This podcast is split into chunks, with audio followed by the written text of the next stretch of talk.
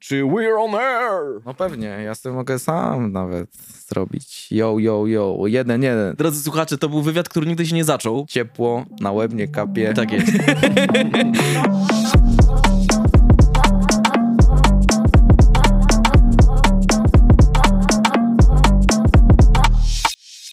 Herbatka, woda, wszystko ogólnie rzecz biorąc, co potrzeba panu. Czym chata bogata?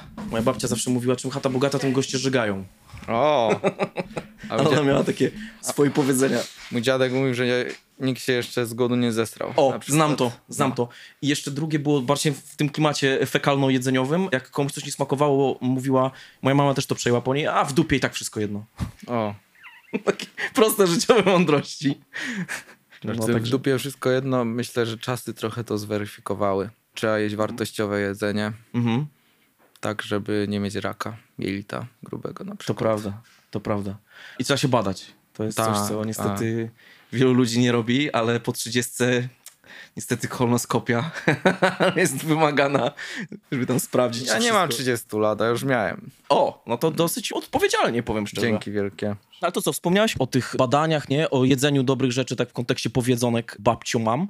Ty chyba przywiązujesz dużą wagę do w ogóle takiego zdrowia, do takiego równowagi życiowej, nie? Bo ty i jogę, tak? Uprawiasz? Czy uprawiałeś?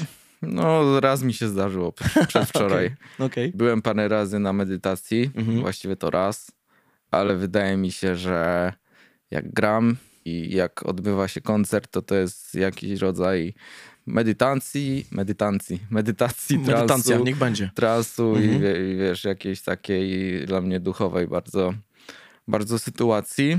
No i staram się o to dbać, bo wydaje mi się, że wszystkie dogmaty nadają się do kosza, Mhm. Natomiast jest w nich jakaś mądrość, w każdej, wiesz, religii.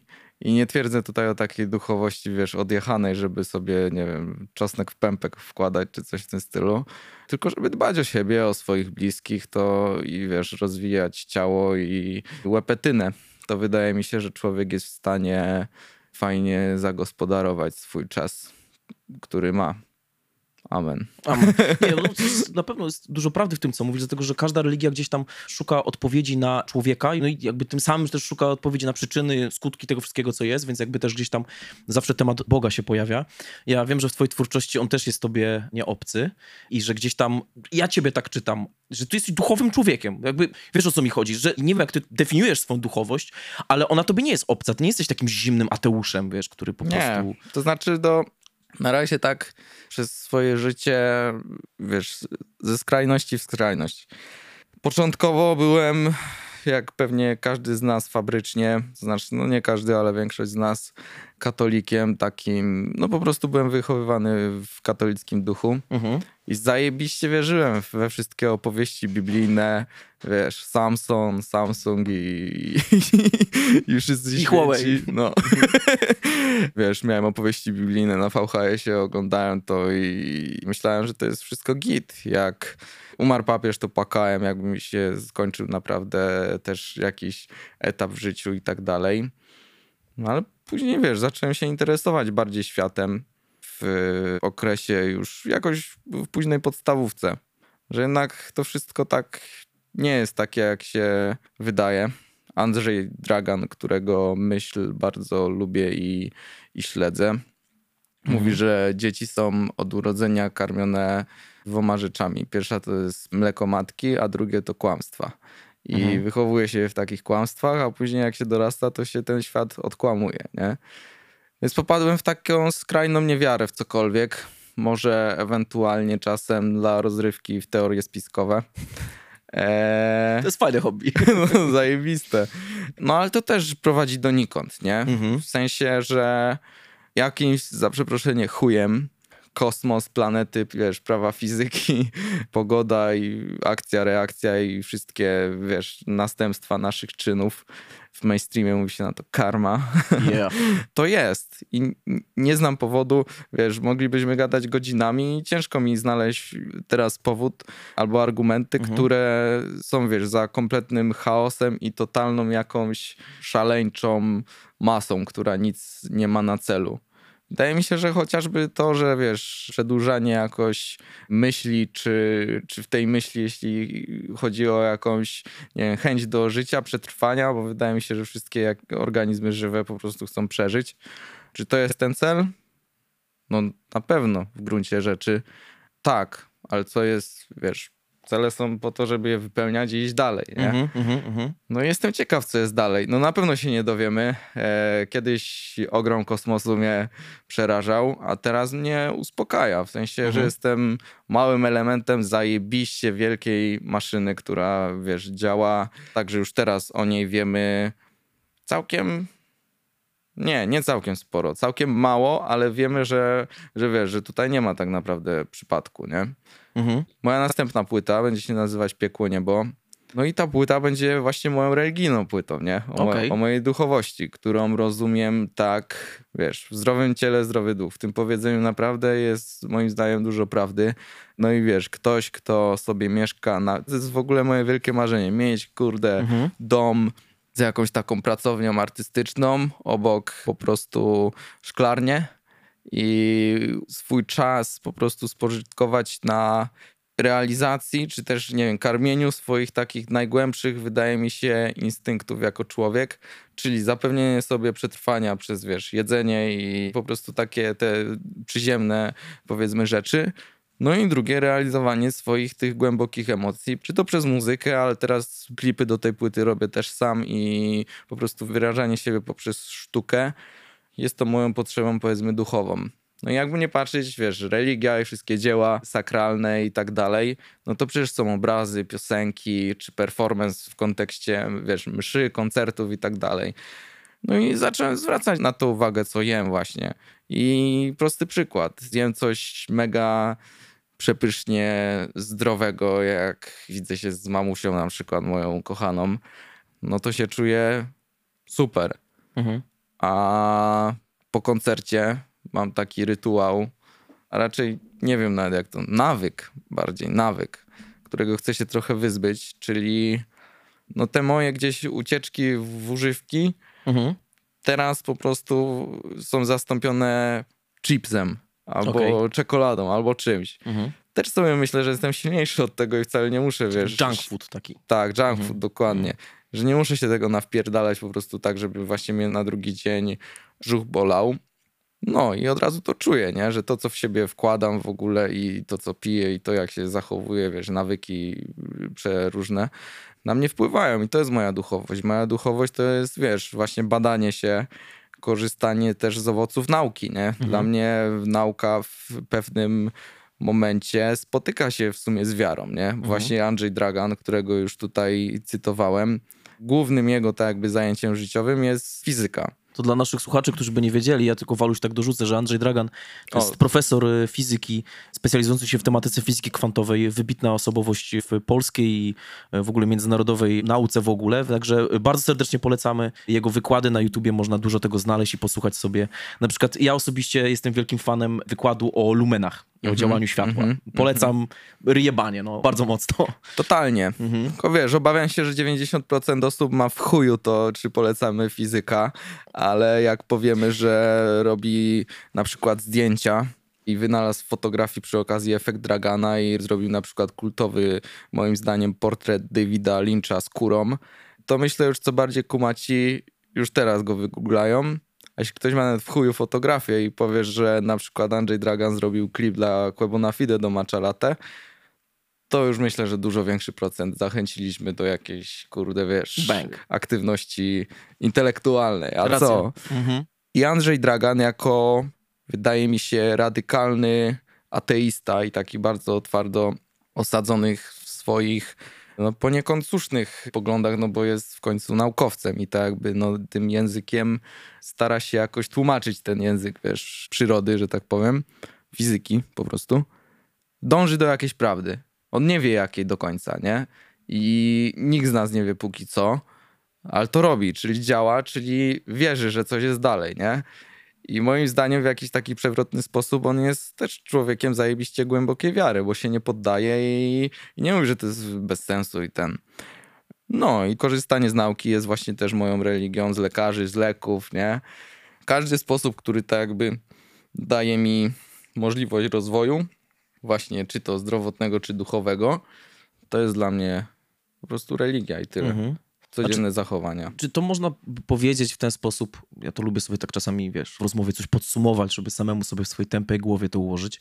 Czy to jest tak, że ty, bo ja na przykład słuchałem sobie wywiadów z tobą, zresztą śledzę twoją twórczość już od jakiegoś czasu i bardzo mi się podoba. Z Dziękuję. wielu przyczyn, może dlatego między innymi, że wywodzę się ze sceny punkowej tak oryginalnie w swoich muzycznych korzeniach, więc jakby dla mnie... Słuchaj, cała branża hip-hopowa się z tej... z, tej, z, tego, z tego wywodzi. No to jest tak. jakby tutaj, prawda, nie, nie trzeba daleko szukać Włodi, który słuchał Włody albo Wienio, którzy wywodzili się z grindcore'u, nie? Tak, jakby, tak. jakby tak, to tam te korzenie najdalsze są umoczone bardzo mocno. Natomiast wiesz co, tak zastanawiało mnie to, słuchając sobie ciebie i obserwując sobie też, ja czytam teksty, bardzo lubię teksty, bardzo lubię twoje teksty, bardzo dużo mi dało one do myślenia i się zastanawiałem nad tym, słuchaj, czy ty szukasz pokoju w życiu? Czy można tak ci określić, że ty jesteś człowiekiem dążącym do pokoju? I stąd ta wściekłość? No w gruncie rzeczy myślę, że tak. I wiesz, to, że teraz tu gadamy i generalnie na co dzień jestem raczej, wydaje mi się, kimś w rodzaju stoika. Mhm. Bo chcę, żeby moje takie życie było. Miałem nawet w ostatnich latach takie cztery miesiące, gdzie się budziłem rano, naprawdę wypoczęty, z uśmiechem na twarzy i sobie myślałem, jest, kurwa, zróbmy coś fajnego, nie? Mhm. Później chodziłem spać, wiesz, gasiłem mm -hmm. światło, dźwięki wykluczałem i też z takim, wiesz, szczeniackim w ogóle poczuciem, że to zajebisty dzień, kurde, tu porobiłem coś, tu to, z kim się spotkałem i tak dalej. No ale w teraźniejszym świecie jest to zajebiście trudne, bo wiesz, trzy tygodnie jakieś charówki i wiesz, przemęczenia się, zaraz ci szumi w głowie, mm -hmm. jakieś proste zabiegi mające na celu trochę może dopaminy uwolnić z mózgu typu wiesz, scrollowanie albo nie wiem, mm, pornosy mm -hmm. albo mhm, cokolwiek mm -hmm. innego. No i gdzieś ta harmonia taka powiedzmy jest zaburzona. Natomiast byłem kiedyś na dziarce u takiego Edka na Miodowej w Krakowie. Bardzo wkręcony buddysta w takie sytuacje. I Edek po prostu przez 2 godziny i 22 minuty, bo tyle trwała nasza sesja, po prostu zrobił mi pranie mózgu w najbardziej pozytywnym tego słowa znaczeniu. I mi mówi, że kurwa, mówi się, wiesz, że ktoś ma tam ileś osobowości, nie? A on według jakiejś tam sekty i to też tam w Indiach i tak dalej, sekta to jest po prostu jakaś mniejszość religijna, mhm. która postępuje według jakichś własnych zasad. Pewnie najmniejsze sekty mają, nie wiem, po kilka osób, czy coś w tym stylu. I to jest tam zupełnie lightowe. I Edek mi mówi, że każdy z nas ma kurwa 50 osobowości, nie? Tak samo tu na wywiadzie się inaczej zachowuje i ty też pewnie w domu jak się jest całą to inaczej. Ach, panie e, kochany. No właśnie. Dobrze, I... kamer nie instalowałem w domu, naprawdę. No właśnie, wiesz, w robocie, w szkole, no i można tak mówić, mówić, mówić. No i dochodzimy do momentu, w którym jest koncert, nie? Który tak jakby wypełnia, Dokładnie. wypełnia mi to, czego tutaj tak jakby nie mam. I ta twórczość mi daje, tworzenie daje mi właśnie pole do zamiany tych negatywnych jakichś, wiesz, moich stron i ich tak jakby manifestacji. A w gruncie rzeczy ja też twierdzę, że. A, no, dobra, mhm. wszystko się po prostu składa w całość, nie? Ja. Że mhm. tu jesteś taki, tu taki, i po prostu trzeba się poddać temu wszystkiemu i niech to przepływa, nie? I, True. I no. dla mnie, wiesz, nawet taka sytuacja, że bardzo często wśród nas, muzyków, tak jakby apogeum jakieś energetyczne danego wieczoru przypada na after. Tak. No i tak mnie to smuciło, w sensie mnie wewnętrznie, że musiałem się trochę wymiksować z tych afterów, nie? Mhm. No i trochę nie powiem, było mi smutno, nie? Natomiast to apogeum tej, wiesz, emanowania tą energią i przeżywania takiego radosnego poniekąd, no ale niech pierwszy rzuci kamieniem ten, kto nie miał bad tripa po czymkolwiek i miał zjebany wieczór przez mhm. to, nie? Więc przeżywania po prostu wszystkich emocji, tylko dużo mocniej i dużo bardziej, po prostu no, na koncert. I wiesz, dla mnie koncert to jest koncert, impreza, rytuał, after mój, tam się wszystko w tym mieści, nie?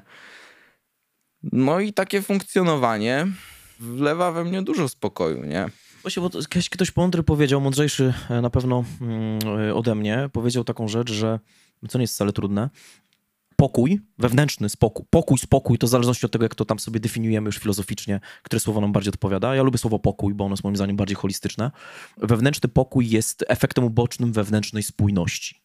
No, super. I myślę, że w tym, co ty powiedziałeś, jest dużo takiego właśnie wskazania na tą wewnętrzną spójność, polegającą bardzo często na niespójności. Nie? To, jest, to jest największy flip w głowie. Że bardzo często, jeszcze tylko jedną rzecz mhm, powiem i mhm. ciekaw jestem, co ty o tym sądzisz, tak w kontekście religii że bardzo często różnego rodzaju formacje religijne jakby starają się człowieka upierwiastkować do jakiegoś jednego tylko i wyłącznie jednej wersji. Mhm. Że ty zawsze bądź miły, wiesz, miły młody człowiek, tak? Zawsze bądź miły, zawsze bądź grzeczny, zawsze bądź szarmancki. Podczas gdy życie stawia przed nami mnóstwo sytuacji, nie? których w ogóle bycie miłym, bycie szarmanckim, bycie grzecznym w ogóle jest nie na miejscu wręcz. Jest, jest totalnie w ogóle niepotrzebne, nie? Wręcz wymaga się od nas czegoś innego i tak mi się wydaje, że czasami wewnętrzna spójność polega na tym, żeby właśnie zerwać z tym łańcuchem wiążącym nas i krępującym nas w byciu cały czas jednostajną wersją jakiegoś, jakiejś wizji na temat tego, kim my jesteśmy, nie? Totalnie. Ktoś kiedyś powiedział, nie wiem totalnie kto. Pewnie ktoś mądry. Albo jakiś żul. też mówią mądrość, rzeczy. Mądrość Czyli mądry. tak.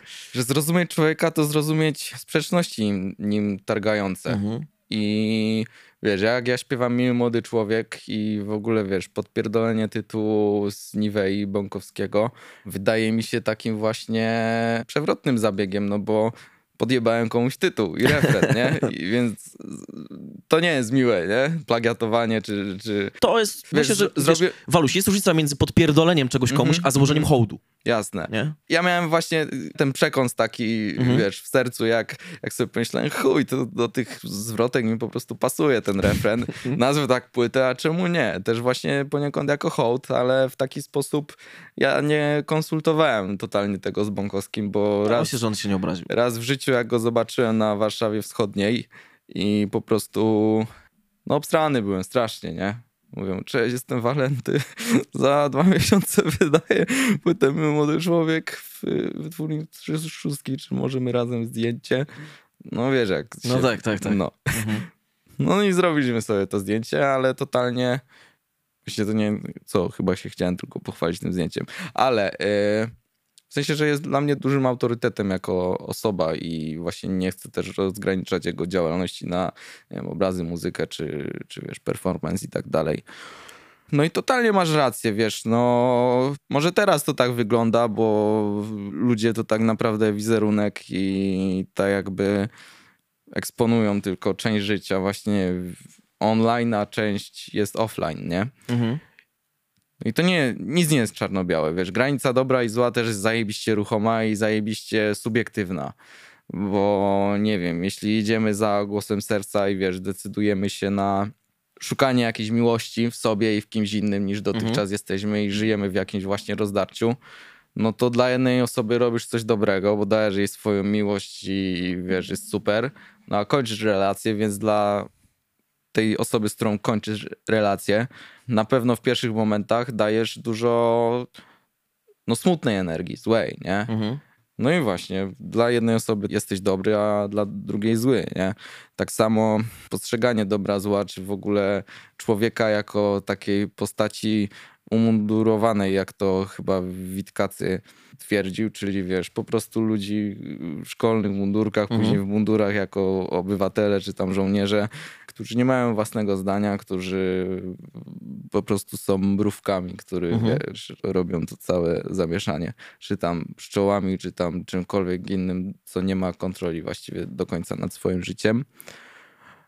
No to do tego dążą trochę religie, właśnie instytucjonalizowanie wiary i tak dalej. A człowiek taki nie jest. Jest, wiesz, wielowymiarowy, kurde. Wiesz co, dla mnie to jest o tyle ciekawy temat, którym zaczęliśmy właściwie naszą rozmowę, że ja na przykład jestem osobą wierzącą. Mhm. Tylko, że jakby ja to kompletnie inaczej kumam. E, mhm. W sensie jestem osobą wierzącą, ale nie religijną. E, jakby, okay. Może w ten sposób. Ja to sobie gdzieś tam poukładałem w głowie. Może jest mi łatwiej, bo wywodzę się z protestantyzmu. Protestantyzm zawsze był trochę taki, wiesz, odklejony od tego ogółu okay. kościoła powszechnego i jakby jego zasad. Natomiast dla mnie to jest fascynujące w ogóle, że my jako ludzie, chcąc czy nie chcąc, w jakiś sposób jakąś transcendencję, z jakąś transcendencją musimy się zmierzyć. I nawet ta nauka, o której wspomniałeś, nie? że popatrz, że ona stawia, nadal jest, są rzeczy, na przykład chociażby zjawiska kwantowe, nie? które ja tam powiedzmy jako uczeń, który miał dwóje z fizyki w najlepszym wypadku, chociaż nie miałem czwórkę na koniec, bo pani profesor, która mnie uczyła, bardzo lubiła moje żarty i okay. ja za dobre, za dobre żarty miałem czwórkę na koniec z fizyki. Bardzo serdecznie pozdrawiam panią profesor, jeśli ona tego podcastu kiedykolwiek będzie słuchała. To na moją znajomość fizyki to jest wiele rzeczy, których po prostu my jeszcze nie rozumiemy i one wręcz, wręcz zaburzają nasze zrozumienie jakby tego, jak my rozumiemy, że świat z czegoś jest zbudowany.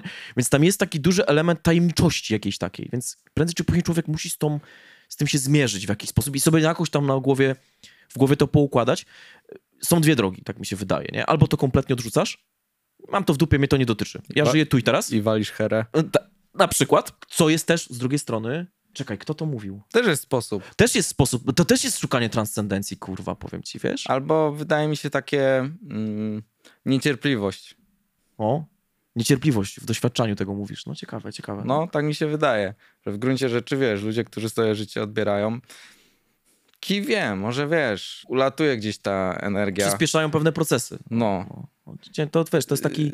Wiesz, no. przytłoczeni taką niewiedzą, nie? Co dalej, wiesz, że życie jest dziwne. Znaczy też nie umiem sobie wyobrazić właśnie totalnie, jak bardzo może być życie dziwne, żeby, wiesz, posunąć się do takiego... A ty miałeś taki w życiu moment graniczny? Nie pytam, wiesz, czy miałeś moment typu, że chciałem się zabić, tylko raczej, czy miałeś w ogóle momenty graniczne w swoim życiu? Miałem, kto mhm. nie ma, nie? Mhm. I mniej lub bardziej świadome. Co przez to chcę powiedzieć? Że no na pewno mi się nie udało, nie? No bo jesteś dzisiaj tutaj z nami. Czasami mi się po prostu chciałem, żeby mi się nie udało, bo to jakieś wołanie o pomoc. A czasem było tak, że wiesz, y, no jednak zostawał we mnie jakiś, jakaś iskierka nadziei, nie? I taka furtka, że kurde, no nie, Mhm. Wydaje mi się, że to jeszcze nie jest moment, nie? Chociażby dlatego, żeby się nacieszyć swoją, wiesz, cielesnością i, i tym, co oferuje mi świat tu i teraz właśnie. No ale raz zastanawiałem się godzinę, zastanawiałem, zastanawiałem, no i tam jeszcze ten i później się znowu zastanawiałem, no to tam jeszcze ten. Mówię, kurwa, ale mi w głowie strzela. A mówię, nie, pierdol, to ten. Nie dałem rady, nie, nie podobałem. Mhm. No i co? No wydaje mi się, że nauka stanie się taką nową religią, nie? I właśnie podejście do życia. Ja również jestem zajebiście wierzącym. Nie jestem religijny za Chiny ludowe. Mhm. Nie wiem, czy to jest poprawne politycznie, ale wyjebane w to mam, bo mam to wyjebane po okay. prostu. To jest nieistotne właśnie w kontekście tego, że gdzieś 3 miliardy tysięcy lat świetlnych godzin stąd jest czarna dziura większa o 80 tysięcy razy od Słońca. Nie? Mm -hmm. nie jestem religijny, nie? -hmm. I wręcz ja ogólnie mieszkam naprzeciwko kościoła. Czasem, bo teraz już nie mieszkam właściwie nigdzie, bo w ogóle nie chcę nigdzie mieszkać na stałe. Nie? Dla mnie zmiana właśnie miejsca jest trochę jak zmiana gierki na PlayStation. Jak ci się znudzi FIFA albo Wiedźmin i chcesz zupełnie w innym mhm. świecie pobyć, no to ja jestem fanem właśnie takiego rozwiązania, póki co. Czyli podróżujesz? Tak.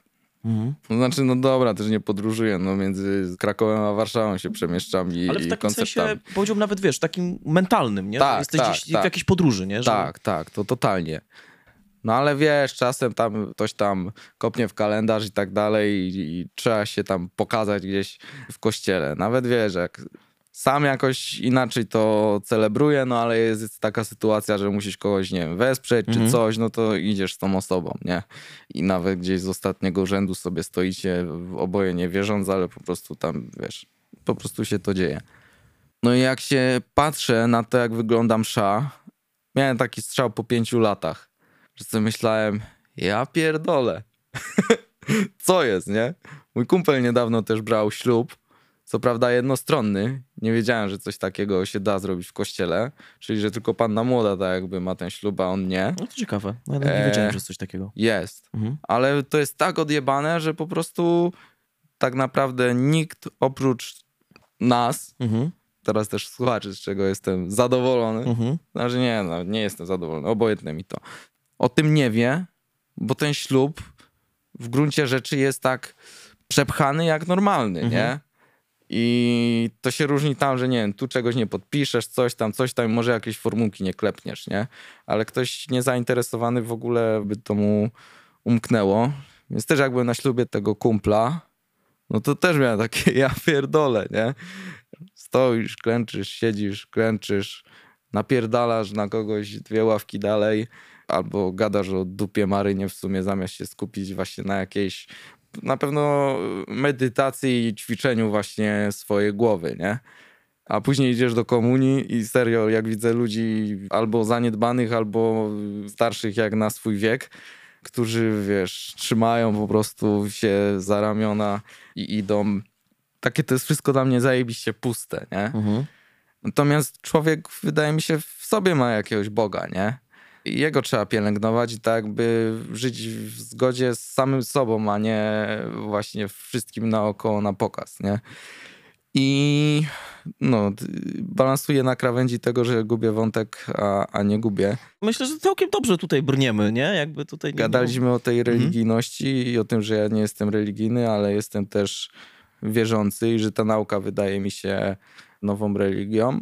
A i może chciałem powiedzieć to, że jak zderzam się właśnie z tym umundurowanym fanatyzmem wręcz, mhm. no to jestem w ciężkim szoku, nie? I jeszcze wrócę do, wiesz, samobójstw, nie? To nie wyobrażam sobie właśnie, co ludzi kieruje do takiego kroku. Natomiast ostatnio widziałem film Holy Spider. Irański thriller o mordercy prostytutek nie miałem przyjemności, gdzieś nieprzyjemności go oglądać, nie wiem jaki to typ kina. Ja też nie jestem zwolennikiem stwierdzenia dobry film albo zły film, bo na przykład też ostatnio widziałem Sundown i uważam, że to jest zły film i to jest kurwa zajebiste w tym filmie. W sensie wszystko się zgadza, wiesz, tam gra Tim Roth, Charlotte Gainsbourg, świetne zdjęcia, naprawdę historia, scenariusz i tak dalej. Natomiast byłem z kimś w kinie i ten ktoś powiedział, że jest wkurwiony, nie? Mm -hmm. Na głównego bohatera, właściwie na ten film i tak dalej. Ale właśnie bohater który przeżywał to, co przeżywał. Ja też nie jestem fanem opowiadania jakiejkolwiek części fabuły, bo jak mi ktoś opowie, albo gdzieś usłyszę nawet, wiesz, ukradkiem, że a, tutaj ten, ten, co tam Spoilery, autem tak? jechali, nie? Mhm. I nawet to może być nieistotne, a ja cały film myślę tylko o tym, co znajomy powiedział, wiesz, kiedy to się wydarzy, no, mniejsza z tym. Natomiast ten film jest niekomfortowy, Sundown. I to jest przepiękne, bo stymuluje właśnie do myślenia, do zastanowienia się, co ty byś zrobił na miejscu e, tego człowieka i albo czego byś nie zrobił, nie? Wracając do filmu Holy Spider, gdzie wiesz, irańska społeczność właściwie w większości popierała czyny mordercy jako, wiesz, religijnego herosa, który oczyszcza miasto po prostu, wiesz, zarazy, mhm. zepsucia i tak dalej, i tak dalej. No i tak jakby motywacje tego gościa no były chore, nie? Tam, wiesz, wewnętrzne konflikty i tak dalej. Się okazuje, że typo, no to opowiem, bo akurat na tym przekazie on jest taki, wydaje mi się, dużo bardziej ogólny niż historia Sundown, która jest zajebiście indywidualna. Mhm. Wiesz, gościu z jakiejś tam milicji ma firmę budowlaną i rozmawia ze swoim przyjacielem, że on podczas tych wszystkich tam rzezi konfliktów mnóstwo jego znajomych miał zaszczyt doświadczenia męczeńskiej śmierci, mhm. a jemu udało się ujść życiem i on czuje, że jego życie jest bezwartościowe, że on pragnie tej męczeńskiej śmierci, nawet jeśli wiesz, zostanie schwytany i tak dalej i dostanie za to czapę, to że on to robi, wiesz, z płonną po prostu wiarą i przekonaniem, że, że robi coś dobrego dla świata. I sobie myślę wtedy, kurwa mać, nie? No bo jakim też problemem jest prostytucja, to jest inny temat, nie? Mhm. Bo to jest, no w tych krajach słabiej rozwiniętych to najczęściej to jest ludzka tragedia, nie? I wiele rzeczy za tym idzie, nie? Dragi, gangi, sywkiła i mhm. Human trafficking, no tak. E, mhm. trochę. No w krajach wysoko rozwiniętych wiadomo, ona potrafi być rozrywką i komuś może totalnie odpowiadać taki styl życia. Mhm. No bo na przykład też ciężko w to pewnie wielu osobom uwierzyć, ale uważam, że da się. Oczywiście spotyka się kiedyś osobę, która, wiesz, wypełnia ci po prostu całą paletę twoich, nie wiem, oczekiwań, nie wiem, nadziei, wymagań, potrzeb, mhm. potrzeb do, mhm. dzięki tego słowa mi brakowało. I tak by totalnie nie widzisz świata poza nią, Co jest trochę toksyczne też na dłuższą metę chyba. Ktoś kiedyś powiedział mądrze, że nie ma związku, który nie byłby w jakiś sposób toksyczny. W sensie, że nie istnieje taka forma w ogóle relacji erotycznej, która by nie miała w sobie jakiejś tam minimalnej toksyczności. Mi się wydaje, że to tam gdzieś tam na styku zawsze jak sklejasz coś, to jak cyanopanem zdaje się sklejasz plastik Mhm. albo cyanoakrylem, którymś z tych dwóch klejów. On ma to, że on zżera cienką Okej, warstwę plastiku okej, okej. z jednej i z drugiej strony i dlatego skleja. I jakby ten... I jest to zawsze to takie wyżarcie. Więc myślę, że to, to, to, To jest fajna metafora. w relacjach też tak- coś komuś dajesz, dostajesz, Tracisz. tracisz, No. dokładnie, zyskujesz. Natomiast wiesz, są ludzie na świecie, którzy żyją tak, że oddzielają emocjonalność od cielesności. Wiesz, są razem najszczęśliwszym związkiem, ale na przykład nie mieszkają razem i wiesz, w ten sposób gospodarują swój czas, że, że te spotkania są powiedzmy świętem, a nie codziennością i takim zapewnionym totalnie czymś. No a ktoś chce być prostytutką i okej, każdy niech robi to, co chce. Ja uwielbiam Maksymę, wiesz, polend rockową, rób ta, co chce ta, Mhm. stop narkotykom. Powtarzam to, yy, powtarzam to czasem dla Beki. No chociaż wiesz, dragi też są osobnym tematem, nie?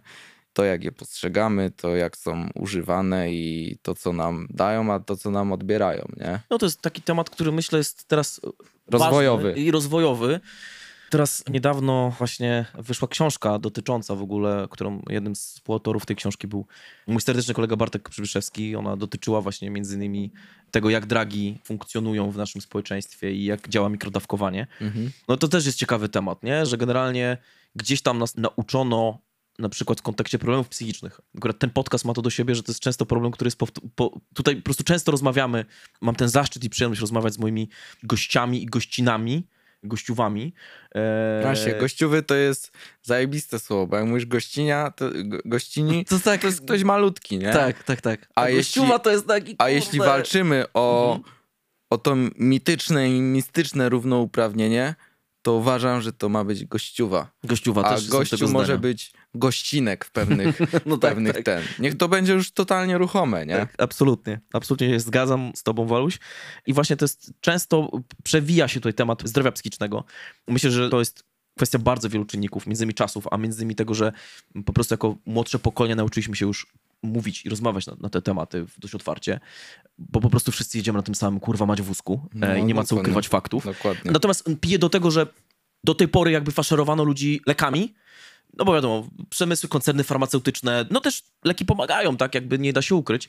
Natomiast odkrywamy na nowo, że można jednak te leki czymś zastępować. No i na przykład są grzyby, nie? które Jasne. po prostu ostatnio, nawet na Netflixie chyba jest dokument o tym, Jest że, że, że genialny. jeszcze nie miałem okazji go oglądać, dużo osób mi o tym To opowiadało. znaczy, jeśli mówimy o tym samym, O mikrodawkowaniu grzybów celem leczenia schizofrenii i różnych tam... to ja mówiłem Mhm. o niezwykłym świecie grzybów, tak się, niezwykły świat grzybów, Aha. tak się nazywa.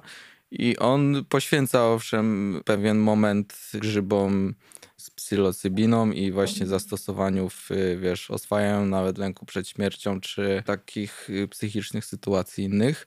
Natomiast o tym, jak grzyby są zajebiście ważne w ogóle na co dzień, nie? Mhm. że one biorą udział w rozkładzie, że jak grzyb się pojawia, to energia się zmienia, nie? Coś właśnie się rozkłada i coś na tym później dalej rośnie. A no, temat z dragami i używanie ich jako, jako leków jest okej. Branie leków też jest okej, ale jednocześnie branie dragów jest w chuj nie okej i branie leków na potęgę też jest w chuj nie okej, nie? Jaki jest najpoważniejszy, twoim zdaniem, efekt uboczny brania dragów? Śmierć. Okej.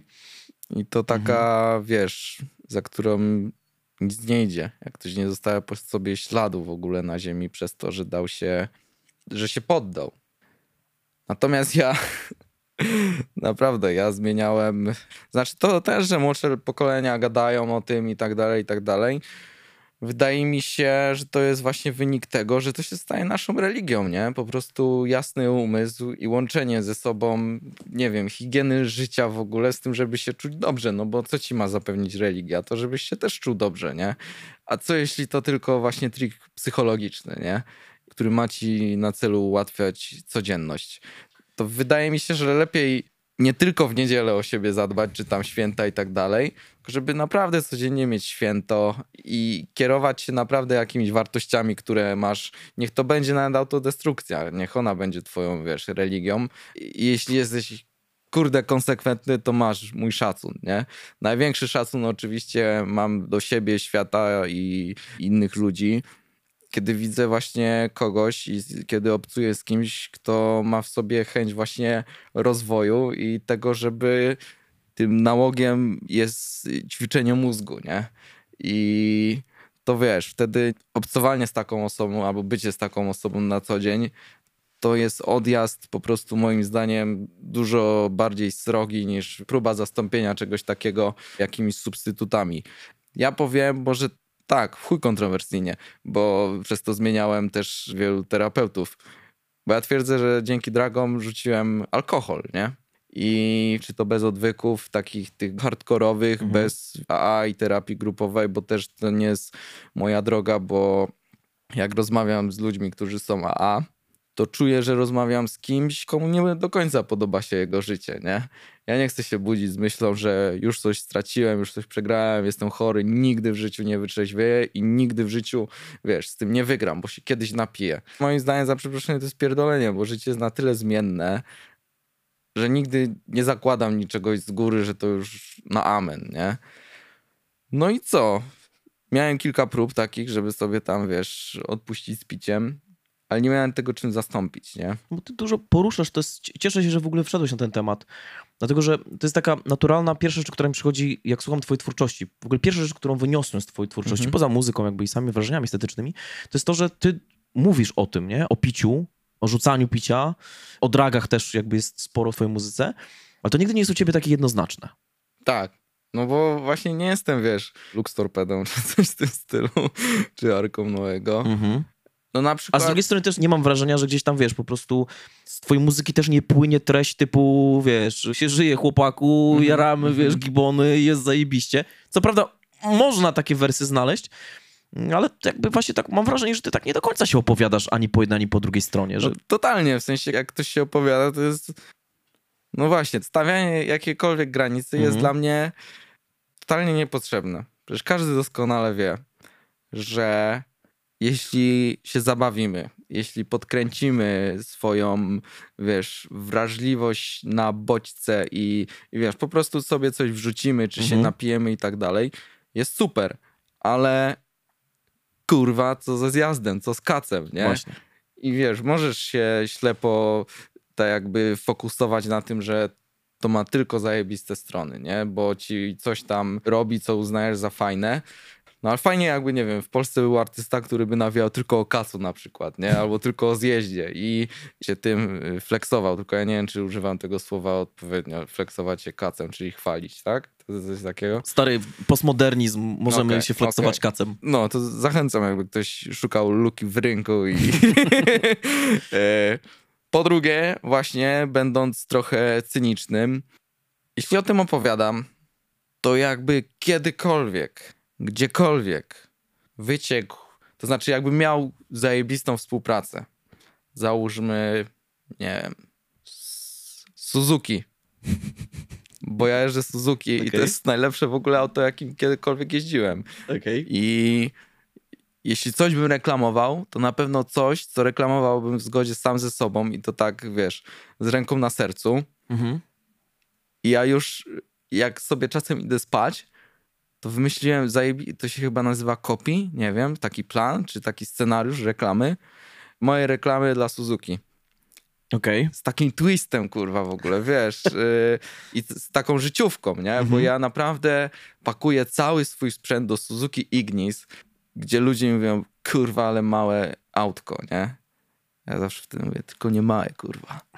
E, no, a tak na serio, zajebiście pojemne auto. Mhm Kupiłem je w walentynki ponad rok temu. To chyba naprawdę jakiś stary Niemiec w ogóle, wiesz, trzymał przez pół życia w garażu, miał 110 tysięcy przejechane. Oczywiście w to nie wierzyłem, mhm. ale naprawdę to czuję. W sensie ja już nim zrobiłem chyba 60 tysięcy kilometrów, mhm. czy jak nie więcej. Głaskam go, piszę w nim teksty, mówię, że jest moim najfajniejszym autkiem, jakie miałem. jak mam na tablicy rozdzielczej 9999 i 9, dzwonię do mechanika, mówię Przemek, filtry, oleje, na już muszę mieć, nie? Mhm. I naprawdę o nie dbam też chyba w takim trochę kontekście jak o siebie, nie? Żeby po prostu fajnie nam się działało.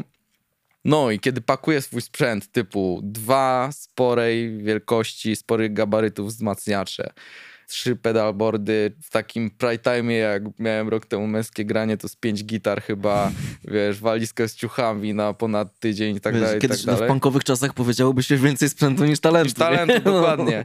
No ale to też jest mój taki drag trochę, poszukiwanie Stary, dźwięków. I, ma, znam, i, mam kumpla basistę, który Serdecznie pozdrawiam Radku cię, który ma tych pedałów tyle stary, że to jest po prostu masakra jakaś i nigdzie nie gra.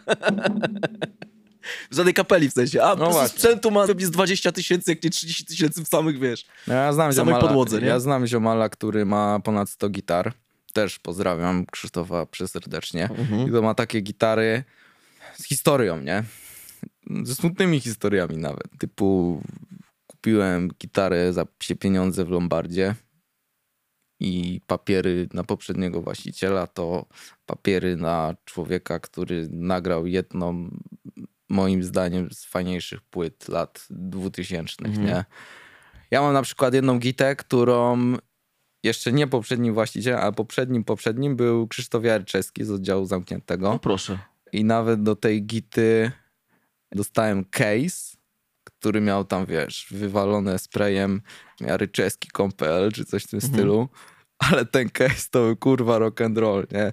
Nie miał, wiesz, zawiasów, zawiasy zamiast tam jakimś nitem, czy nie wiem, śrubką, to miał połapane strunami na przykład, nie? Yy, właśnie te zamki, każdy był inny, nie? DIY or die, no. Tak, że jeśli coś tu kogoś miało chronić, to chyba gitara ten case, a nie ten case tą gitarę. Ale nie odpływając zbyt daleko. Suzuki? Tak. Reklama? Tak. Ładuje ten sprzęt i wiesz, nawet Macie Kacperszyk mówi, kurwa, stary, ja jestem w szoku, nie? On tam ma w pewnym sensie fajniejsze nieco auto. I mówi, że pierdoli, sprzedaje to, nie? Bo się tam wzmacniacz nie zmieści, nie? Mhm. I też jak mi mówi, że jak mnie widzi w tym aucie, to to jest ze mną kompletne, jako taki właśnie podróżnik, który, wiesz, co tydzień z jednego miejsca na miejsce.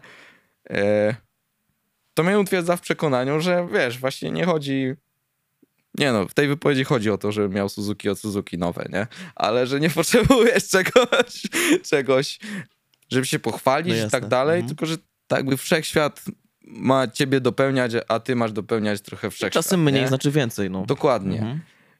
No i wiesz, wymyśliłem sobie tą reklamę z Suzuki, nie? A co jeśli kiedyś wycieknie jakiś filmik, jak mam tą reklamę, jestem na tych billboardach, tak. nie? Mhm. Wycieka jakiś filmik, gdzie jest sytuacja, w której nie umiem rozróżnić na przykład koksu od mefedronu. Mhm. I jest koniec, nie? W sensie mnie nie ma. A jeśli mówię o tym teraz, nie jest to żadna tajemnica, to nie ma żadnej wartości kontrowersji, nie? I mhm. wydaje mi się, że może to nie jest jakąś moją siłą, ale nigdy nie widziałem sensu w wykrywaniu tego, jak jestem naprawdę. I co za tym idzie? Jeśli pytasz mnie, czyja mi się muzyka podoba. Powiem, że to zespół Dłonie i Biały Falochron i wielu, wielu innych.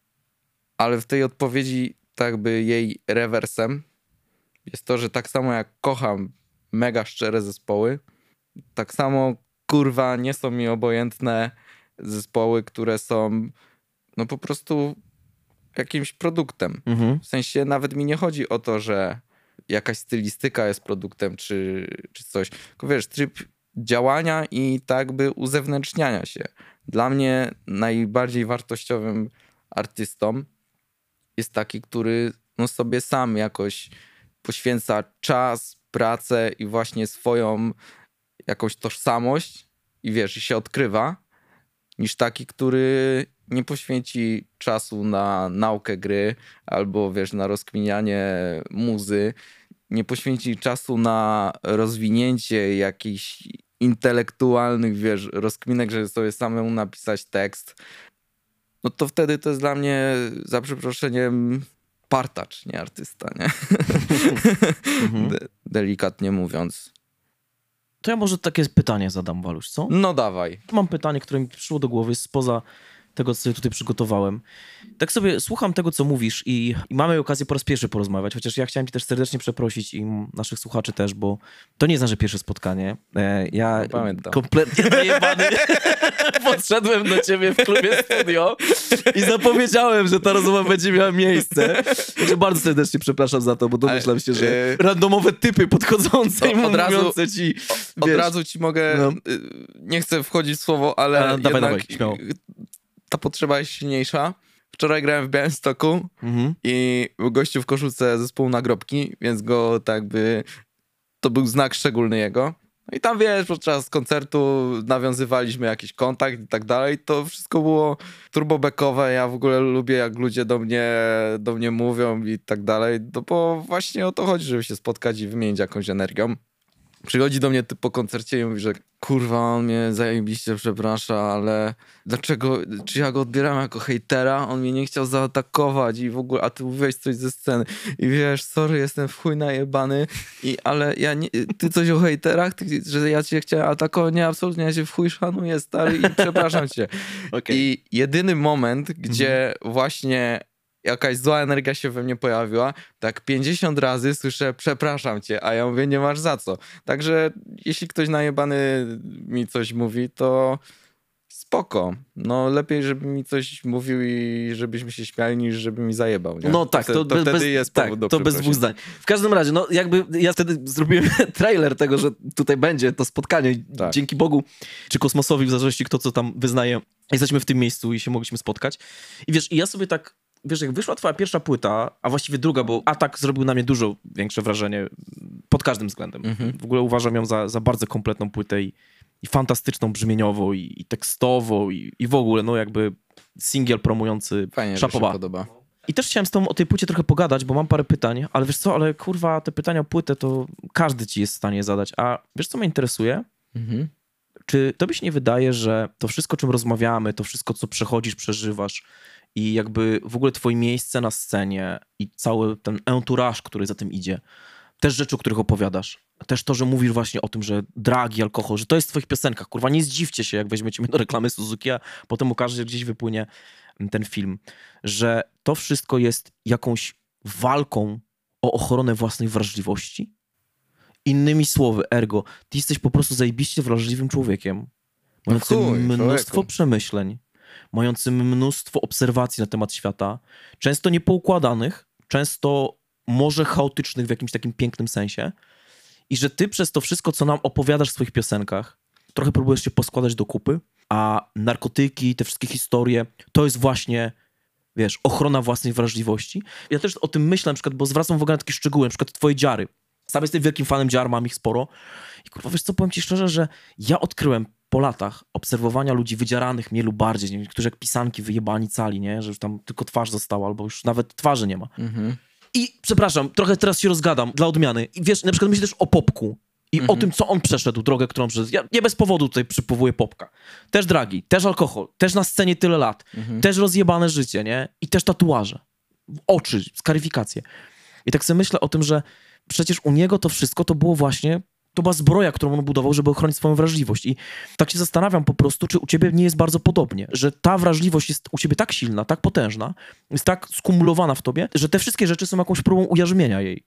No tak, bo wiesz, nie miałem narzędzi w głowie, żeby nawet nie tyle ją ujarzmić bez tych substancji, co, co się z nią oswoić i nauczyć, nie? I mam nadzieję, że mi to nigdy nie, nie minie, bo właśnie dzięki temu jestem tu, gdzie jestem. W Mhm. sensie takim mentalnym, No nie? tak, tak.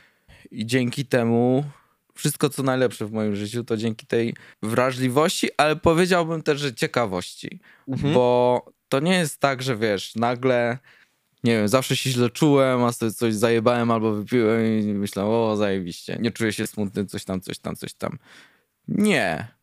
Alkohol piłem z prozaicznych przyczyn, w sensie, wiesz, kumple, to, No tak, tamto. społeczny aspekt, nie? I się Tak. wpierdalasz fizycznie i... Najbardziej prymitywna antropologia. Tak. Wszyscy piją, to i ja piję, no.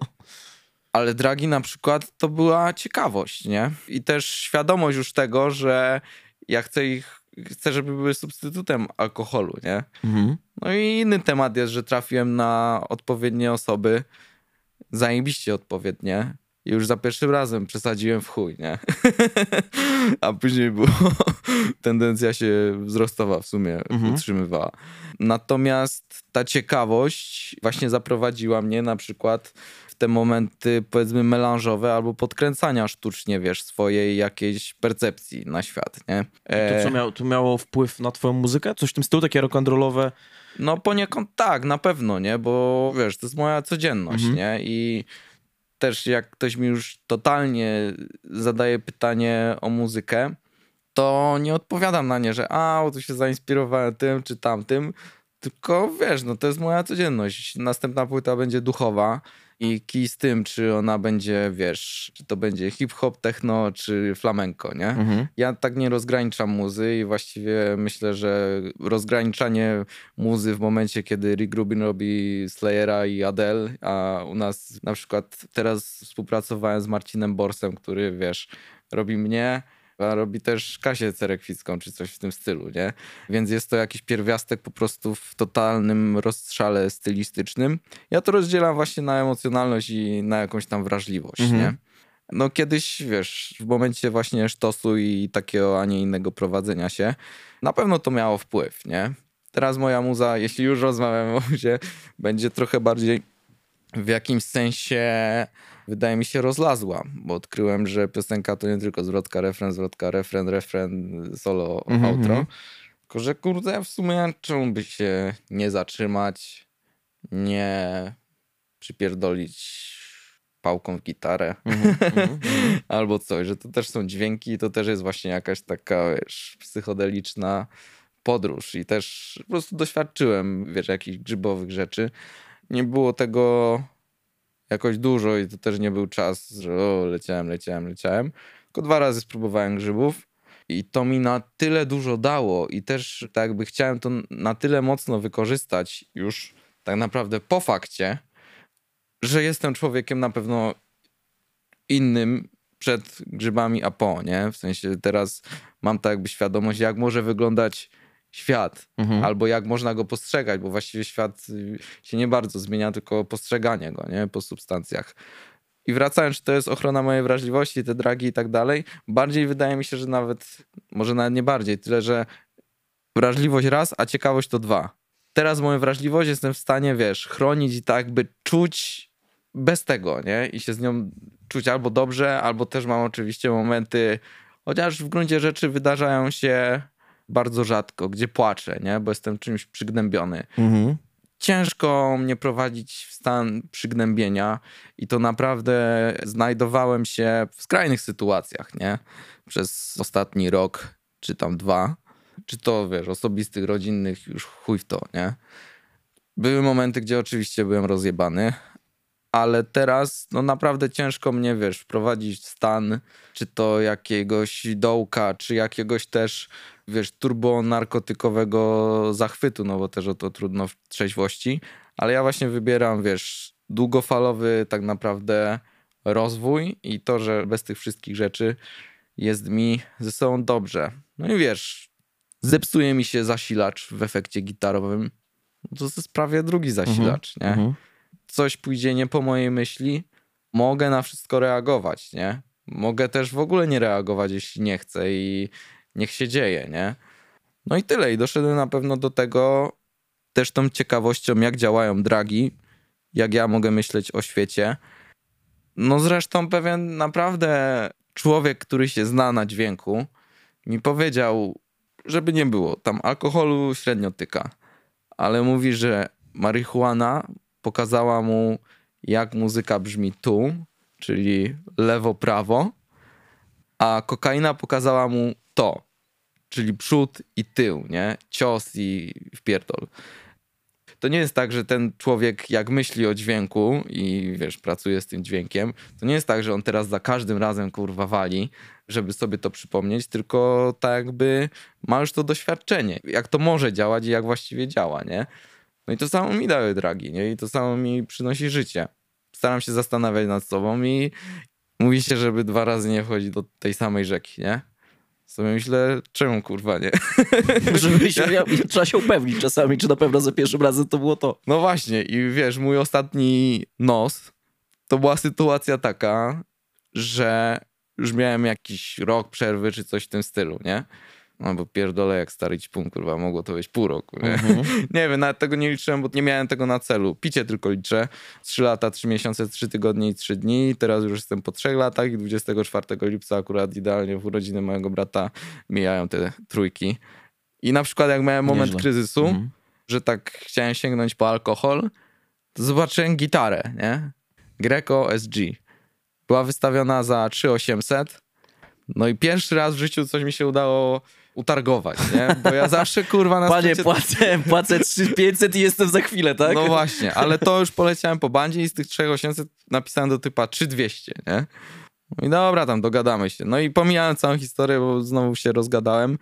Ja mówię, no ile? Już na żywo. Mówi, no 3200 było, to nie, to daj 3200 i wiesz. A ja mówię, dobra, potrzebuję takiej stymulacji i zapłacę za nią 3333 zł, nie? Wobec siebie taka umowa, że wiesz, jak kupiłem za tyle i tak Mhm. dalej, to to elo, to jest bodziec, od którego znowu się tam odbijam. To jakoś w drugim roku chyba nie picia było mniej więcej. Mhm. No i zajebiście, podziałało, nie? No ale teraz już chyba tak odpłynę. Gadaliśmy o tym dźwięku, o tych dragach, o tym postrzeganiu, o tych doświadczeniach. A, że dragów nie liczę, nie? Mhm. E, ile mi tam leci od ostatniego. Chociaż od ostatniego blanta chyba w lipcu paliłem. Albo na pewno w lipcu. Mhm. No i mój ostatni nos wyglądał tak, że już tam po jakiejś dłuższej przerwie naprawdę od twardych dragów stwierdziłem, kurwa, jestem ciekaw na jakim etapie jestem w życiu. Polecę jedną noc i zobaczymy, czy wrócę do teraźniejszości, do trzeźwości i czy jestem na tyle już, wiesz, silny i na tyle już jestem w takim punkcie, że nie będę tego potrzebował, nie? No i spróbowałem. Spędziłem noc w stanie narkotycznym. No i stwierdziłem, kurwa, dzięki, nie? Już wiem o co chodzi, mam te doświadczenia. Dużo bardziej ta nowość, czyli ta trzeźwość mnie, wiesz, jara i totalnie nie miałem już, nie mam ochoty, nie? Mhm. czy to. No, twarde narkotyki nie są dla mnie teraz już. Nie, nie są mi potrzebne, bo, bo nie chcę robić rzeczy, które wiesz, przy nich robiłem i tak dalej, i tak dalej. Właśnie to jest taka ciekawa rzecz, nie? że bodajże to powiedział Anthony Cadiz albo Flia, Mhm. jeden z nich. Właśnie a propos dragów była rozmowa i w jednym z wywiadów oni opowiadali o generalnie o swoich przygodach z narkotykami, które były Oj, to jakby, tak, jakby generalnie jak za ich szczątki prawdopodobnie przyszła cywilizacja, czy kosmici jak przylecą, to szczątki któregoś z nich będą mogli użyć do tego, żeby wznowić rasę ludzką, bo będą Tak. doskonale zakonserwowane. Będą świecić w ciemnościach. Tak, będą świecić w ciemnościach. W każdym razie oni opowiadali o tym, że branie narkotyków zawsze było podróżą na drugą stronę. I ilekroć przekraczasz tą granicę tej transcendencji, tego wejścia w inny wymiar, tego wejścia w inny świat, zawsze coś tam zostawiasz i coś stamtąd przynosisz. I teraz pytanie jest, ile chcesz, żeby było ciebie w którym świecie? Mhm. I to jest ciekawe dla mnie, że popatrz, my przychodzimy na ten świat, rodzimy się, dorastamy. I w pewnym momencie naszego życia dochodzimy do tego momentu, że stajemy się świadomymi jednostkami. No i pierwsze, co robi młody człowiek z tym, jak jakby zaczyna swoje jestestwo kontemplować, To atak To jest- paniki klocek. tak, ale już chwilę potem, nie? Chwilę Okej, potem, okej. po ataku paniki, po klocku, po pierwszym świadomym, wiesz, sikaniu, pierwszym świadomym słowie. Za chwilę, jak stajesz się dojrzały, dorosły, może skupmy się na tym etapie. Pierwsze, co robisz ze swoim organizmem, to jest wehikuł, który dostałeś. Jesteś jakąś jaźnią w jakimś kombinezonie, tak? W którym jesteś zaszczepiony w niego. Pierwsze, co robisz, to sprawdzasz, jakie są jego możliwości. Czyli bierzesz ten organizm na crash testy. No, to tak. No i robisz crash testy. To jest pytanie, które zadaje społeczeństwo od dziesięcioleci. Dlaczego młodzież sięga po alkohol i używki, dragi, narkotyki? Odpowiedź jest bardzo prosta. Oni dostali, kurwa mać, ten pojazd, którym jest nasz organizm, nasze ciało. I pierwsze, co młody człowiek robi, każda istota z rzeczą, którą, jak zaczynasz odkrywać swój organizm, to zaczynasz go sprawdzać. Jak kupujesz nowe auto, to co z nim robisz? Pizda, człowieku, ogień po prostu i sprawdzasz, gdzie jest, jak szybko jesteś w stanie się rozpędzić do setki, jaki on się wyrabia na zakrętach. Każda rzecz, którą dostajesz. Dostajesz nową gitarę, co robisz? Podpinasz ją i rżniesz, nie? I żeby zobaczyć, jak ona działa. I I tak robimy ze sprzętami i nie inaczej jest po prostu z ludzkim organizmem. Tylko pytanie, wiesz, które mi się nasuwa na myśl, to jest kiedy kończą się crash testy Okej. i co zaczyna się po crash testach. Jakie wnioski wyciągnęliśmy z naszego życia? Bo ja na przykład muszę powiedzieć, że rzecz, o, powiem ci taką ciekawostkę, co mnie powstrzymało przed dragami w moim życiu. Zanik empatii. Okej. Bo jednym z naj, dla mnie najpoważniejszych efektów ubocznych dragów, oczywiście poza tym, co powiedziałeś, że śmierć, jak najbardziej, ale jakbyśmy zeszli troszeczkę level niżej, zanim dojdziemy do takich finalnych spraw, to to, co ja obserwowałem, to było zanik człowieczeństwa, empatii, które powodują twarde dragi, takie czy nie inne, prędzej czy później. I Zgodzę się. dla mnie to jest coś, co dla mnie było nie do przeskoczenia, dlatego że uważam, że empatia jest tak cholernie ważna w moim życiu. I to jest jedna rzecz, z której nigdy nie chciałbym zrezygnować. Mhm. I dragi, pomimo wszystkiego fajnego, co one dają, no bo nie da się ukryć, że gdyby nie dawały fajnych rzeczy, ludzie by ich nie brali. Ale konsekwencja, na przykład dla mnie osobiście, jest tak nie do udźwignięcia, że dla mnie to kompletnie zamyka temat dragów. Bo wiem po prostu, jak bardzo zabija ono zdolność współodczuwania takiego Jasne. człowieka. No ja pierwszą rzeczą odnośnie crash testów z polskiego na nasze, Mhm. jak się nie przewrócisz, to się nie nauczysz, nie? Dokładnie. A żeby odrzeć też dragi z jakiejś mitologii i, i wiesz, tego mistycyzmu, no to poniekąd jest to trochę manipulowanie gospodarką hormonalną naszego mózgu, nie? I jak je zażywamy, to po prostu, wiesz, no podkręcamy albo wyrzut serotoniny, dopaminy, czy tam coś, albo Mhm. kwas nam coś tam robi, albo wiesz, psylocybina i tak dalej, ale to jest cały czas chemia, nie? Wracasz do tego, co masz normalnie, do systemu, w którym twój organizm potencjalnie, albo wręcz nie potencjalnie, tylko po prostu ma szansę przetrwać jak najdłużej. Mhm. No i fajnie sobie jakoś wyciągnąć wnioski, nie? Z tych dragów. A jeśli chcesz po prostu tylko czuć się dobrze i tak jakby tą gospodarkę hormonalną sobie nadal podkręcać, no to twój organizm w pewnym momencie przestanie produkować to, co jest potrzebne, bo no bo po chuj, jak to wrzucasz, wiesz. Suplementujesz z zewnątrz. No Dokładnie. jakby- Mhm. No i się zgodzę, wiesz, w momencie jesteś takim, że kurde, leżysz tydzień w łóżku i płaczesz, nie wiesz nawet przez co, no bo masz wyrąbaną dopaminę i tak dalej, nie? Ja się doprowadziłem do takiego stanu, nie wiem czemu się śmieję. No to jest A, taki bo- mechanizm wyparcia, wszyscy go mamy. No, totalnie. Ja go dość często chyba używam, ale też to jest dla mnie śmieszne albo i wręcz wesołe. No bo wiesz, mówię to, to z perspektywy czasu, nie? Ale doprowadziłem się do takiego momentu, gdzie kurwa myślałem, że mam wylew albo coś w tym stylu, Mhm. bo wiesz, takie strzały w głowie, takie przelewania, jakieś coś, ten i tak dalej, nie? No pierwszy moment, kiedy sobie jednak powiedziałem, że to nie wylew, to było to, że ogarniał wszystko, mówiłem swoje, wiesz, imię, nazwisko, jaka jest pogoda i data. Mhm, mhm. Później jak się pokapowałem, że o, ten po drugiej stronie stołu mówi, że też mu strzela. O, a ten to się nawet cieszy, jak mu strzela. A to i tam. No i to była jakaś taka trzydniówka i czytałem o tym jakoś pół roku później. To było wyjebanie sobie dopaminy z mózgu na tyle, że po prostu ci strzela ten mózg, nie? Jakaś tam taka reakcja śmieszna zachodzi. Śmieszna, no po prostu reakcja. No i to robią narkotyki, tak nas niszczą, nie? Organizm nasz. Bo to chemia, ale wiesz, leki działają tak samo, nie? To, czego ci brakuje, później bierzesz po dragach, wiesz, leki, żeby, Mhm.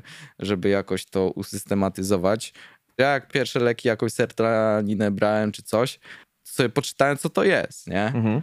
Na takiej zajawce. Znaczy, na, pierwszy psychiatra to wiadomo, takie trochę przerażenie, bo ktoś ci, czy w ogóle przejście tej granicy, to też jest pewnie trudne. Pierwszy terapeuta, pierwszy psychiatra No, i tak, tak, dalej. tak, tak, duże jest- tabu i duże nie. Ja nie jestem wariatem, po co ja mam tam iść? No tak dokładnie, dalej, nie?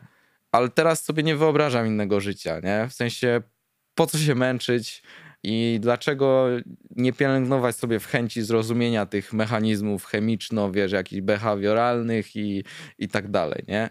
I pierwszy raz jak przeskoczyłem, to w ogóle też jakimś przypadkiem, bo brzuch mnie bolał, gastrolog skierował mnie do psychiatry, czy sobie radzę ze stresem, coś tam, Mhm. coś tam, a u psychiatry się okazało, jeb, kurwa, wiesz. ja po roku w ogóle tablicy Mendelejewa, nie? Mhm. No i poczytałem o tej sertralinie, co to jest.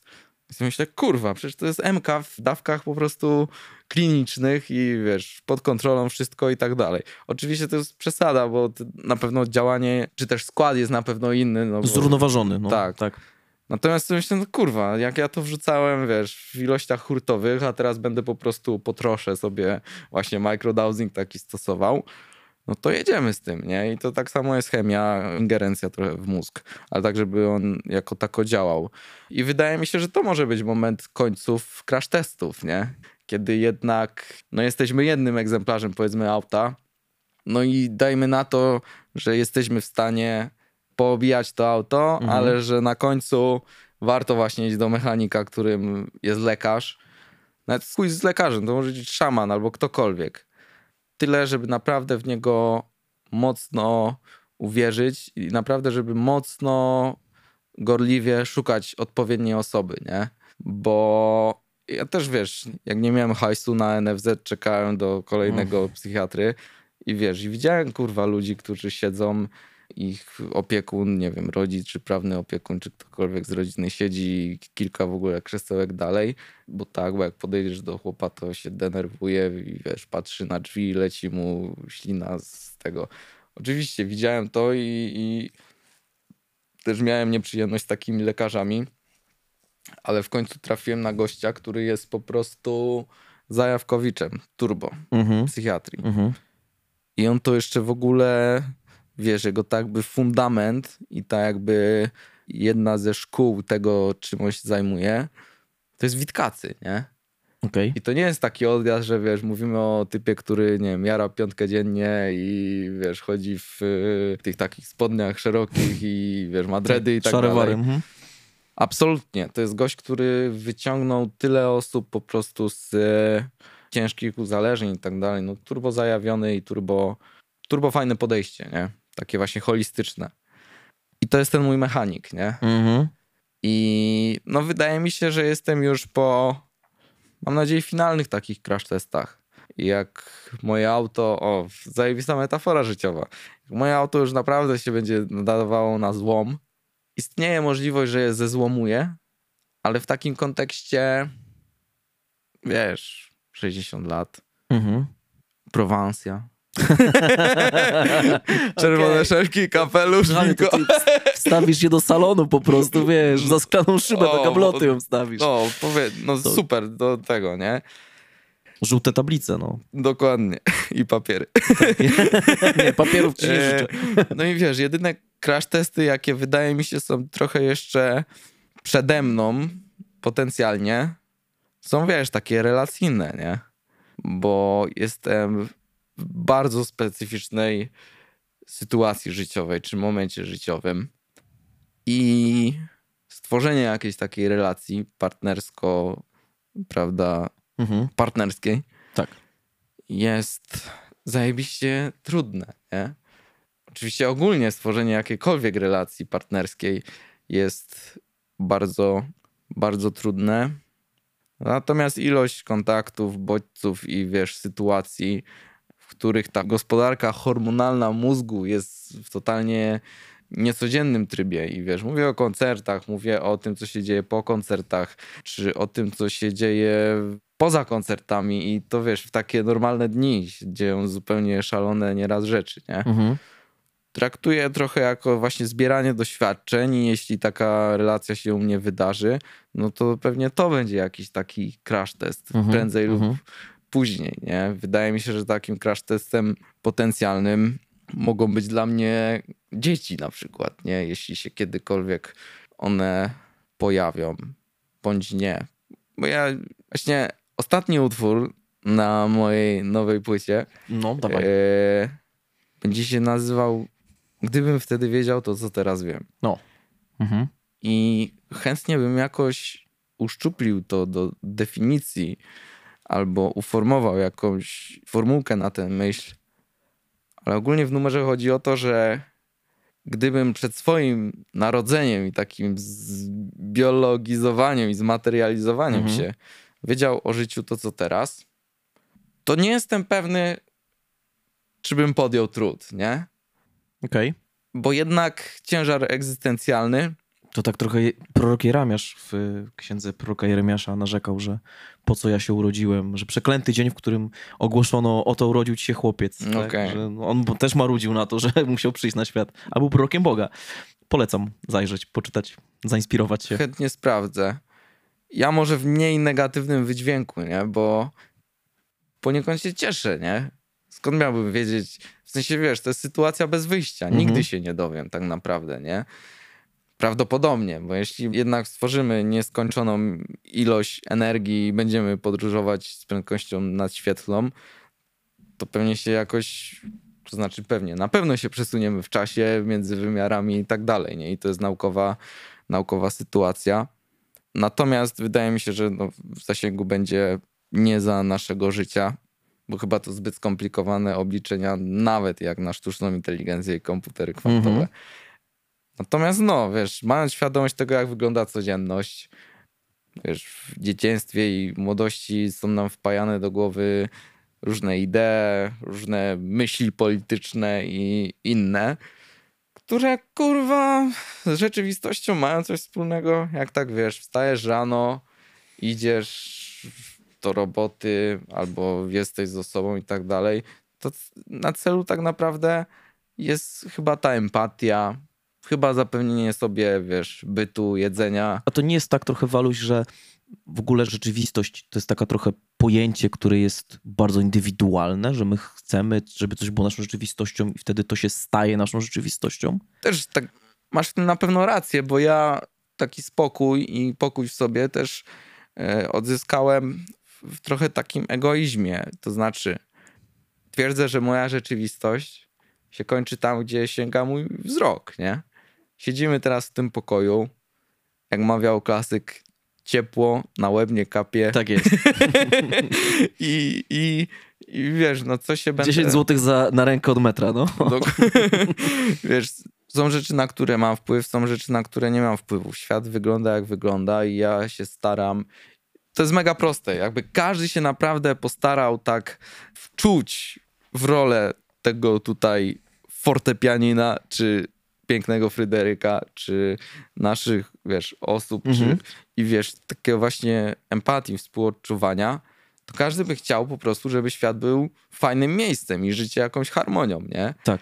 No ja z takiego założenia wychodzę i to jest moja rzeczywistość, wiesz. Czyli mainstreamowo mówiąc, żyję trochę w bańce, ale świadomie ją też opuszczam Mhm. i też mam z tyłu głowy to, że tych baniek jest no pierdylion właściwie, nie? Jestem nieraz zdziwiony. W sensie jest mi smutno w sumie, jak wiesz, są takie bańki, które odwiedzam, jest mi po prostu zajebiście smutno, że ludzie są. Niestety tych ludzi jest większość, jakby nie było. Którzy są, wiesz, w jakiś sposób ich wrażliwość jest stłumiona, chociażby przez alkohol. Bo to też jest osobny temat, wiesz, jak alkohol wpływa na społeczeństwo i, i na funkcjonowanie nas jako takich zwierzątek, którymi ktoś stara się ogarniać, rządzić i tak dalej. Mówię, wiesz, o, o politykach i tak dalej. Tam akcyza, kurwa, Mhm. wie, no, no, No, Temat rzeka, wiadomo. no. No jest mi smutno, nie? Jak ludzie wierzą w przekaz medialny, czy jak wierzą, wiesz, w propagandę i, i tak dalej. I to są całkiem pokaźne bańki. No ale wracam do swojej Mhm. rzeczywistości i otaczam się, wiesz, kolorowymi ptakami, artystami, działaczami kultury, generalnie rzecz ujmując. Twoje plemię. Tak, ale też bardzo chętnie, wiesz, rozmawiam z piekarzami, czy zajebisty szatniarz w Spatifie pracuje, gość mega old school, ma takie pewnie coś jak moje złote Casio, no i wydaje mi się, że jest pod 60 albo coś w tym stylu. No i po oglądnięciu filmu balkonowego na HBO, czyli to taki dokument, który zrealizował gość, który w okresie pandemii chyba na Saskiej Kępie Tak. Mhm. z balkonu kręcił po prostu przechodniów i no złoty materiał, nie? Jak Tak, przekrój społeczeństwa Mhm. po prostu. Znane. I, I zainspirowany tym filmem, jak widziałem gdzieś taką powiedzmy duszę, na której się dało coś zaczepić, coś widziałem jakoś tam głębię, no to pytałem, wiesz, dzień dobry, no i jak tam? No i ten gość mi mówi, dobrze. No i ja tak, wiesz, dwie sekundy czekam, no i on do mnie, no a co mam powiedzieć? Że chujowo? I wiesz, mi nawija, że tutaj jest dobrze, nie? Tu te kurtki wydaje i tak dalej. W ogóle jakie miał teksty, wiesz, że ktoś mu daje numerek i mówi, że poproszę kurtkę na ten numerek, nie? Mhm. A on mówi, jaki numerek? No ten, który mam tu. Mówi, no ale ja nie widzę, co to za numerek jest, nie? No i wiesz, jakiś dialog i tak dalej, no i tam osoba mówi 15, nie? A mówi, aha, wiesz, niby normalna sytuacja, typo nie widzi numerka, no ale jakby go kurwa nie widział, to by w tej szatni nie znalazł tej No tak. 15, nie? Trochę, E, tak. Albo jak ktoś mu tam płacił hajs i się pytał ile, no to odpowiadał zgodnie z sercem jak najwięcej, nie? E, no i, no i A to wiesz, wirtuozi życia są no, no totalnie. to jest- I wiesz, i takimi ludźmi też się chce otaczać. I wiesz, gość od kopa mówi mądre rzeczy, że tu jest fajnie, ale wiadomo, pojedziesz, yy, kurde, na wiejską, jest chujowo, nie? I, I od razu tam z przekazem militarnym, że tam trzeba nawalać, nie? I tam jakoś tą... Harmonia to nie jest stała. Yin i yang, nie? Gdzieś się dzieje zło, gdzieś się dzieje dobro, więc jeśli są już na świecie te torpedy, to niech mają taki, wiesz, jak są takie w Jamesie Bondzie się podpina pod auto rzezimieszka taki GPS Mhm. i wiesz, wiesz gdzie kto jest. Tak jest. To ci, którzy mają rakiety, powinni mieć taki GPS. Jak taki skurwiel wciska przycisk, to ona powinna po prostu nawrócić i, i mu w dupę po prostu tam, gdzie ma ten nadajnik wlecieć i rozwalić to, co w tej dupie ma. Ciężkie Albo do zrealizowania. Bardzo piękne. ciężkie, utopijne. No ale sama świadomość i tak jakby wyobraźnia i branie pod uwagę takiej opcji, jeśli by każdy wziął pod uwagę taką opcję, wydaje mi się, że gdzieś w Apple'u, Microsoftie albo gdziekolwiek indziej, gdzieś w Dolinie Krzemowej znalazłby się gość, który by to kurwa ogarnął, nie? I skonstruowałby może, Może, AI będzie taką. No właśnie, zaraz to będzie, już jest przepotężne, wiesz, narzędzie, chociaż też, y, wiesz, są skamy w internecie i tak dalej, wiadomo. No, Kanye West śpiewa Call Me Maybe, dzisiaj to widziałem. Nawet Kolońską i Szlugi śpiewał. Tak. No ale, no. no. I to jest potężne narzędzie też do oszustw i tak dalej, ale ja jestem spokojny, bo wiesz, no są skamy i są, wiesz, w gazetkach są te, kurde, wkładki do butów pobudzające kreatywność, no i niestety starsze osoby albo mniej świadome tego, jak wygląda świat, się dają na to nabrać. Zgadza się. I Mhm. wydaje mi się, że osoba myśląca ma zajebiście, kurwa, łatwy sposób na bycie przed AI. I Jest taka funkcja w telefonie i w każdym, kurwa, urządzeniu elektronicznym, Mhm. że możesz je wyłączyć. I wiesz, ja nie, podnieciłem się za bardzo. Kupiłem sobie ostatnio krzyżówki, nie?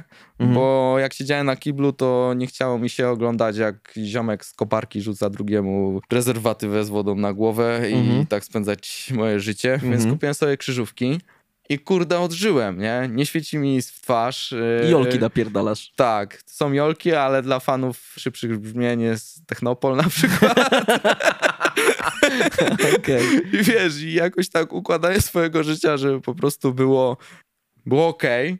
I wiesz, to, że możemy sobie o krzyżówkach teraz pogadać, o to, że naprawdę jakoś swój mózg bardziej angażuje, no bo to też nie jest jakaś wielka tajemnica. Wystarczy, nie wiem, Social Dilemma na Netflixie obejrzeć albo poczytać trochę, żeby wiedzieć, że TikTok na przykład jest skonstru- albo wszystko, co się scrolluje, jest skonstruowane tak, że ci uwalnia jakąś dopaminę w mózgu, nie? Mhm. No i może teraz brzmi jak boomer, szur i tak dalej. Chuj mnie to interesuje. W sensie to nie jest mój świat, to nie jest mój język w ogóle. Mhm.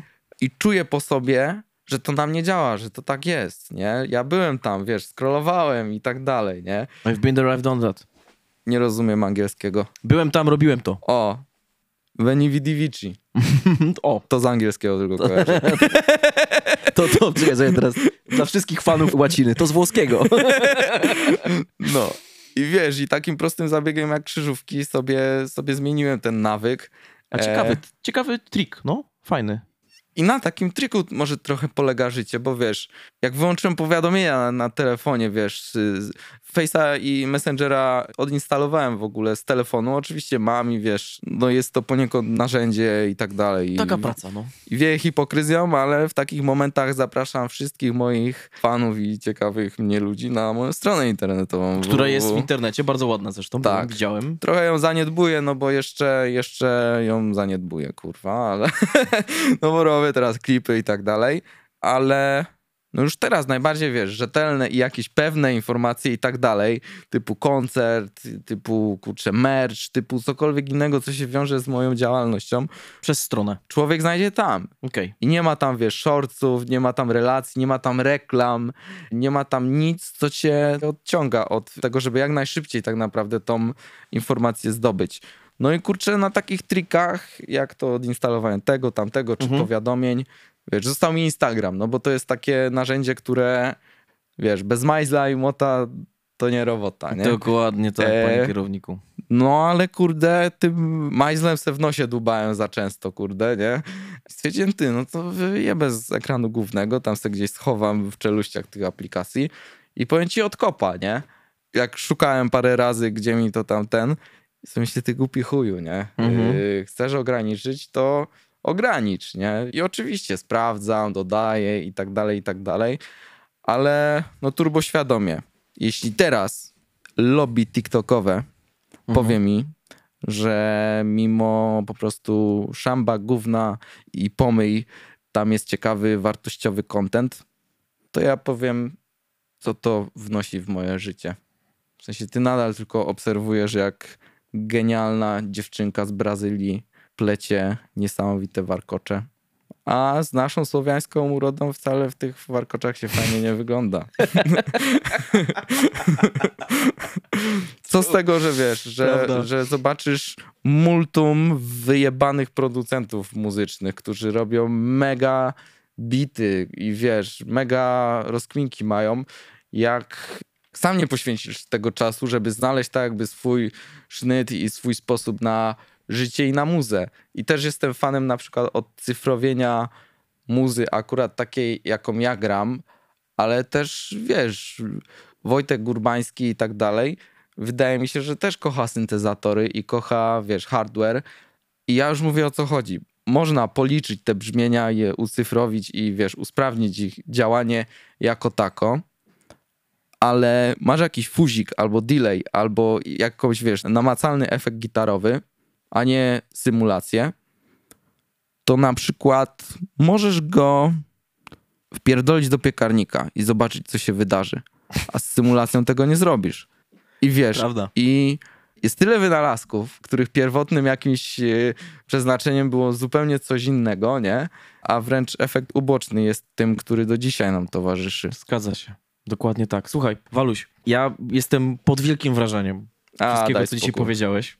I nasz czas antenowy, że tak powiem, się kurwa mać niestety kończy.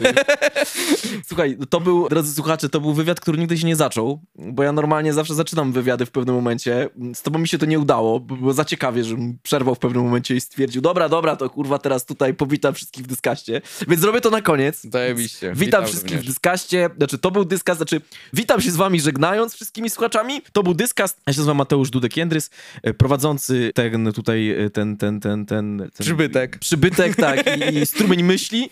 Naszym wydawcą był, jest i, mam nadzieję, że będzie jeszcze długo Mateusz Kiejnik, a naszym gościem był, nasz gość się zawsze sam przedstawia na początku, a teraz będzie na końcu. Faluś, kraksa, kryzys. Dokładnie tak. Waluś, ja przygotowałem sobie 28 pytań, które chciałem ci zadać. Zgadnij, ile mi się udało zadać? Zero. Eee, i, to Ale jest, to- I po tym poznać, że to jest dobra rozmowa, bo nie udało mi się zadać żadnego pytania. Miałem, ci, miałem z tobą pogadać o ataku, nie pogadałem z tobą w końcu o ataku. Chuj, spotkamy się drugi raz, to sobie o tym wszystkim pogadamy. Super. Ale zawsze jest jedna taka tradycja, którą zawsze realizuję. Chciałbym ciebie o to zapytać. Ostatnie pytanie dosłownie. Mhm. Czego mamy tobie nie życzyć? Mm, żebym nigdy nie musiał kupić sobie na przykład programu TV i planować swojego życia między trudnymi sprawami, sekretami sąsiadów. Na Polo TV był taki talent show, chociaż kurwa, jeśli gdzieś nie powinno się używać stwierdzenia talent, to właśnie w Polo TV Okej. żebym po prostu się nie rozsiadł przed telewizorem, nie wyhodował arbuza w Mhm. brzuchu, czy Tak piłki jest. lekarskiej. No i może to jest pragmatyczne, może szydercze i wulgarne i, i takie brutalne bardziej niż wulgarne, ale no, byle jak najdalej stamtąd. Dokładnie. To tego ci w takim razie nie życzymy, stary. Wielkie dzięki za to, że wpadłeś do Dyskastu, że poświęciłeś swój czas Dzięki i również. uwagę, żebyśmy porozmawiać z nami. E, to był Dyskast. No i ja dziękuję wam wszystkim. Dziękuję Walusiowi. Dziękuję również. Czasem można mnie spotkać w barze studio. Tak? Dokładnie, to prawda, to prawda. No dobra, to tyle. Drodzy słuchacze, trzymajcie się, wszystkiego dobrego i do usłyszenia. Dziena. Dzięki stary. Naprawdę, kurde stary. Kawał robot, tutaj ci uściskam, bo naprawdę zajebiste stary. To są wywiady, które ja lubię, kurwa, człowieku, naprawdę.